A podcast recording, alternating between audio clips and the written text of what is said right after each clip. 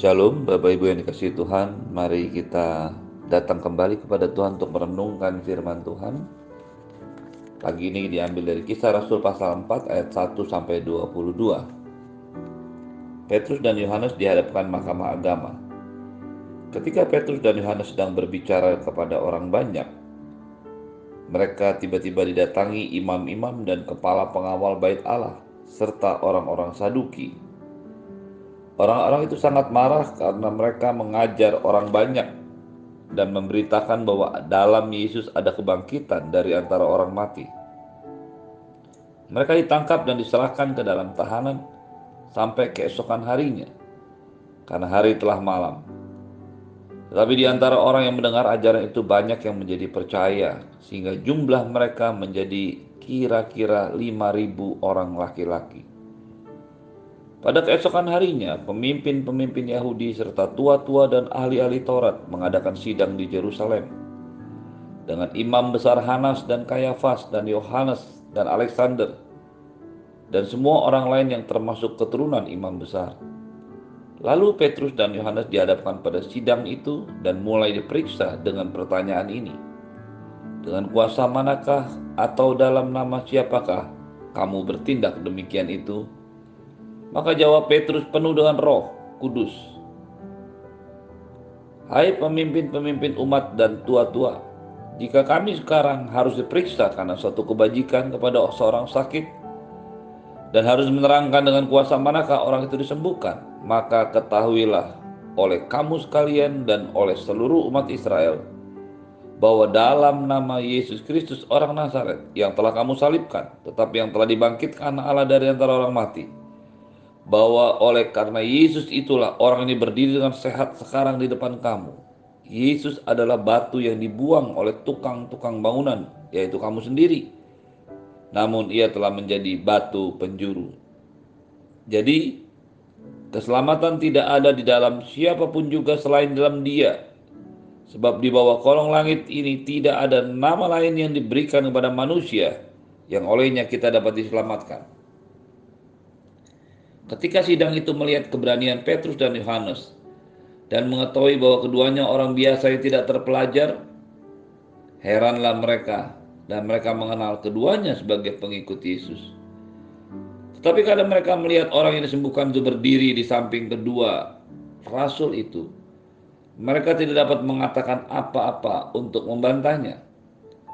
Dan setelah mereka menyuruh rasul-rasul itu meninggalkan ruang sidang, berundinglah mereka dan berkata, Tindakan apakah yang harus kita ambil terhadap orang-orang ini?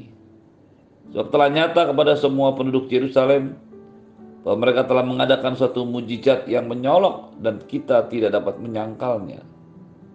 Tetapi supaya hal ini jangan luas, jangan makin luas dan tersiar di antara orang banyak, baiklah kita mengancam dan melarang mereka supaya mereka jangan lagi berbicara kepada siapa pun di dalam nama itu dan setelah keduanya disuruh masuk, mereka diperintahkan supaya sama sekali jangan berbicara atau mengajar lagi dalam nama Yesus. Tetapi Petrus dan Yohanes menjawab mereka, Silahkan kamu putuskan sendiri manakah yang benar di hadapan Allah. Taat kepada kamu atau taat kepada Allah. Sebab tidak mungkin bagi kami untuk tidak berkata-kata tentang apa yang telah kami lihat dan yang telah kami dengar mereka makin keras mengancam rasul-rasul itu, tetapi akhirnya melepaskan mereka juga. Sebab sidang tidak melihat jalan untuk menghukum mereka karena takut akan orang banyak yang memuliakan nama Allah berhubung dengan apa yang telah terjadi. Sebab orang yang disembuhkan oleh mujizat itu sudah lebih dari 40 tahun umurnya. Bapak Ibu yang dikasih Tuhan, Petrus baru saja berkhotbah di depan orang banyak di bait Allah, di dekat gerbang indah, tempat di mana pengemis lumpuh itu duduk dan meminta sedekah. Ketika akhirnya pengemis itu disembuhkan Tuhan, pengemis itu melompat-lompat berjalan kian kemari, memberitahukan kepada orang banyak bahwa dia sudah sembuh. Dia juga memuliakan Allah. Hal ini menyebabkan banyak orang berkerumun dan mendengar apa yang dikotbahkan oleh Petrus. Dan sebagai akibatnya sesuatu yang luar biasa terjadi. 5.000 orang menjadi percaya kepada Yesus. Jumlah ini adalah jumlah yang tidak sedikit mengingat pada masa itu jumlah orang yang tinggal di Yerusalem tidaklah sebanyak masa kini. Tetapi Bapak Ibu yang dikasih Tuhan, semua hal yang baik yang diakibatkan oleh mujizat dan pemberitaan Injil tentu saja tidak disukai oleh si jahat. Itu sebabnya dia terus bekerja melalui pemimpin umat, pemimpin-pemimpin agama Yahudi yang ada pada waktu itu. Mereka menyuruh untuk menangkap Petrus dan Yohanes dan membawanya ke sidang pengadilan. Dihadiri oleh imam besar lengkap dan juga keluarga dan keturunan mereka yang termasuk imam besar. Mereka mengancam Petrus dan Yohanes. Mereka menanyai mereka. Dan kita mendengarkan firman Tuhan tadi, kita membaca firman Tuhan tadi. Betapa luar biasanya jawaban yang diberikan oleh Petrus dan Yohanes. Pagi ini kita melihat beberapa poin penting untuk kita perhatikan. Yang pertama, kuasa, otoritas, yang diberikan Allah kepada murid-muridnya, kepada rasul-rasulnya, dan juga diberikan kepada kita adalah kuasa yang luar biasa. Seperti pernah saya sampaikan, kata kuasa berasal dari dua bahasa Yunani yang berbeda. Yang pertama, exousia, itu yang berarti otoritas. Kuasa yang dimiliki setiap orang percaya sebagai otoritas eksosia sebagai anak Allah. Anda dan saya adalah anak-anak Allah. Bukan sekedar orang beragama Kristen, bukan sekedar umat Kristen, bukan sekedar anggota gereja Kristen. Tapi Anda dan saya punya otoritas eksosia. Yang kedua, pada waktu Anda dan saya dipenuhi Roh Kudus, mulai berbahasa roh, mulai dipenuhi dengan kuasa Roh Kudus, maka kita memiliki satu kuasa yang lain. Kalau tadi dikatakan eksosia sebagai tanda otoritas, maka kata kuasa yang kedua berasal dari bahasa Yunani dunamos. Dunamos ini artinya kuasa yang diberikan Allah kepada kita untuk mengerjakan mujizat. Karena kata dunamos ini kalau diteruskan akan menjadi dynamite kuasa yang membuat perkara-perkara ajaib yang meledakkan, yang membuat sesuatu perubahan besar. Inilah juga yang disadari oleh Petrus dan Yohanes. Sehingga mereka tidak takut lagi ketika mereka dihadapkan kepada mahkamah agama. Dan ditanya, dengan kuasa manakah kamu melakukan ini? Dengan kuasa manakah atau dalam nama siapakah kamu bertindak demikian ini? Bapak Ibu yang dikasih Tuhan, ketika Petrus dan Yohanes dihadapkan pada mahkamah agama, pengadilan agama, kita bisa melihat bagaimana sikap hati mereka. Mereka tahu apa yang mereka sedang hadapi. Mereka masih ingat beberapa waktu yang lalu Tuhan mereka, Yesus dihadapan pada mahkamah yang sama dan berakhir pada ujung sebuah kematian di atas kayu salib. Tetapi kuasa Roh Kudus, otoritas dan kuasa untuk mengerjakan mujizat yang memenuhi hidup Petrus dan Yohanes telah membuat mereka menjadi pribadi yang sangat berbeda. Kalau pada masa Yesus ditangkap, Petrus hanya ada di halaman, Yohanes hanya melihat dari jauh. Pada masa ini, pada masa sekarang, pada saat kita membaca firman Tuhan ini, mereka sudah masuk sebagai tokoh yang langsung dihadapkan. Mengapa mereka tidak melarikan diri lagi? Karena mereka sudah dipenuhi dengan kuasa Roh Kudus. Karena mereka sudah dibaptiskan ke dalam Roh Kudus. Karena mereka sudah memiliki kesadaran, mereka menyadari bahwa mereka memiliki Roh Kudus, sesuatu yang sangat luar biasa dalam hidup mereka.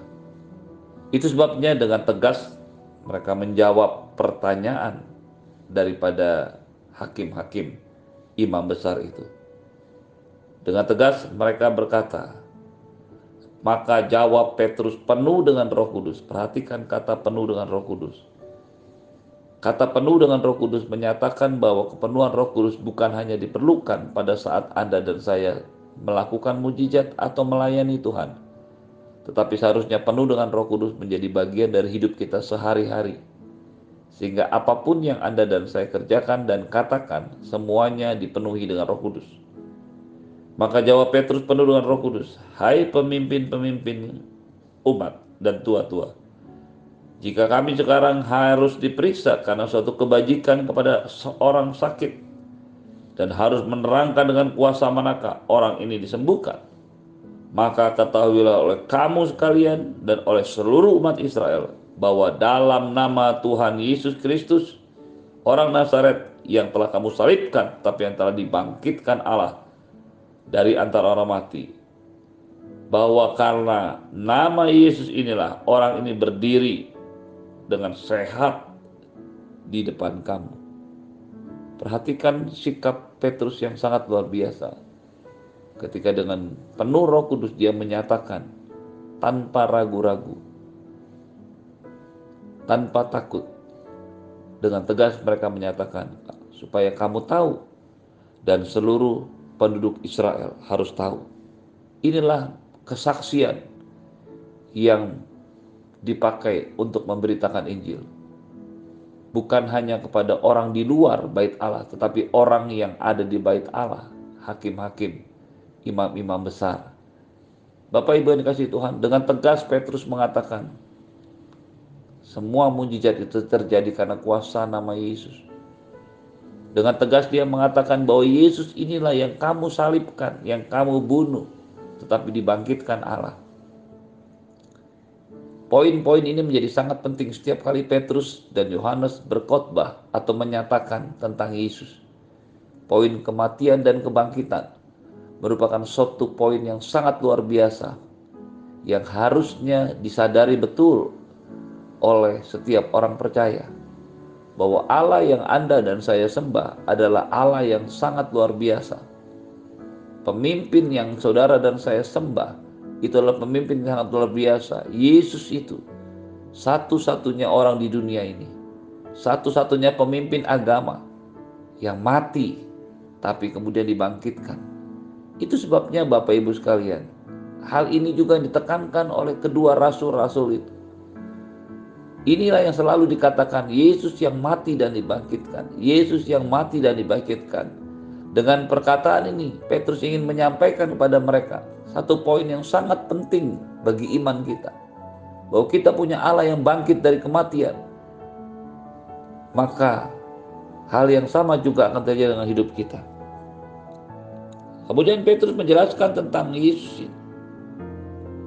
Yesus adalah batu yang dibuang oleh tukang-tukang bangunan yaitu kamu sendiri. Namun dia telah menjadi batu penjuru. Yesus yang dianggap remeh, yang mencoba dibunuh, akhirnya dibunuh dan disalibkan oleh mereka, imam-imam kepala. Tetapi Yesus itu menjadi pokok kebangkitan. Dengan tegas Petrus mengatakan, keselamatan tidak ada dalam siapa pun juga di dalam dia, selain di dalam dia, dalam Yesus. Sebab di bawah kolong langit ini tidak ada nama lain yang diberikan kepada manusia yang olehnya kita dapat diselamatkan. Keselamatan itu adalah milik Tuhan. Keselamatan itu, keselamatan itu adalah cara Tuhan mendamaikan manusia. Keselamatan tidak bisa dicari dengan cara manusia. Karena keselamatan itu adalah syarat yang diberikan oleh Tuhan. Sama seperti sekolah yang menetapkan syarat untuk masuk tes masuk dan nilai-nilainya. Yang menetapkan syarat itu adalah sekolah. Maka keselamatan itu juga ditentukan oleh Allah yang memberikan keselamatan. Karena itu Tuhan berkata tidak ada nama lain yang olehnya kamu dapat diselamatkan. Tidak ada nama lain di kolong langit ini yang diberikan manusia untuk dapat diselamatkan. Dengan tegas firman Tuhan mengatakan kepada kita, keselamatan hanya ada dalam nama Yesus. Keselamatan tidak dapat tidak didapatkan oleh karena perbuatan baik. Keselamatan tidak dapat didapatkan hanya dengan amal. Keselamatan tidak dapat diperoleh hanya dengan melakukan kebajikan. Tapi keselamatan hanya dapat dilakukan pada saat kita percaya pada nama Yesus. Ketika kita menyadari ini, maka kita melihat satu pekerjaan Tuhan yang dahsyat dalam hidup kita. Waktu Anda dan saya percaya kepada Tuhan Yesus, bertobat, menerima Tuhan Yesus sebagai Tuhan dan Juru Selamat pribadi, maka kita juga percaya kita menerima keselamatan yang kekal itu. Hiduplah dengan pengertian dan kesadaran dan keyakinan bahwa Anda dan saya memiliki keselamatan itu. Kita memiliki Yesus yang memang ditetapkan Allah menjadi juru selamat bagi hidup Anda dan saya. Dia yang sudah mati dan bangkit, itulah menjadi pokok iman kita untuk kita hidup hari-hari ini. Apa pun yang sedang kau dan saya alami hari-hari ini. Percayalah bahwa Yesus yang mati dan bangkit itu, dia sanggup menyelesaikan semua perkara. Karena yang paling besar, yaitu kematian, sudah bisa dia selesaikan. Terimalah berkat yang berlimpah-limpah dari Bapa di surga, cinta kasih dari Tuhan Yesus, penyertaan yang sempurna dari Roh Kudus, menyertai hidupmu hari ini dan sampai selama-lamanya. Tidak ada sakit penyakit, virus, covid, apa pun, varian apa pun tidak menyentuhmu. Kau akan aman dan sehat di dalam nama Tuhan Yesus. Semua yang percaya katakan amin. Shalom. Selamat pagi, selamat beraktivitas.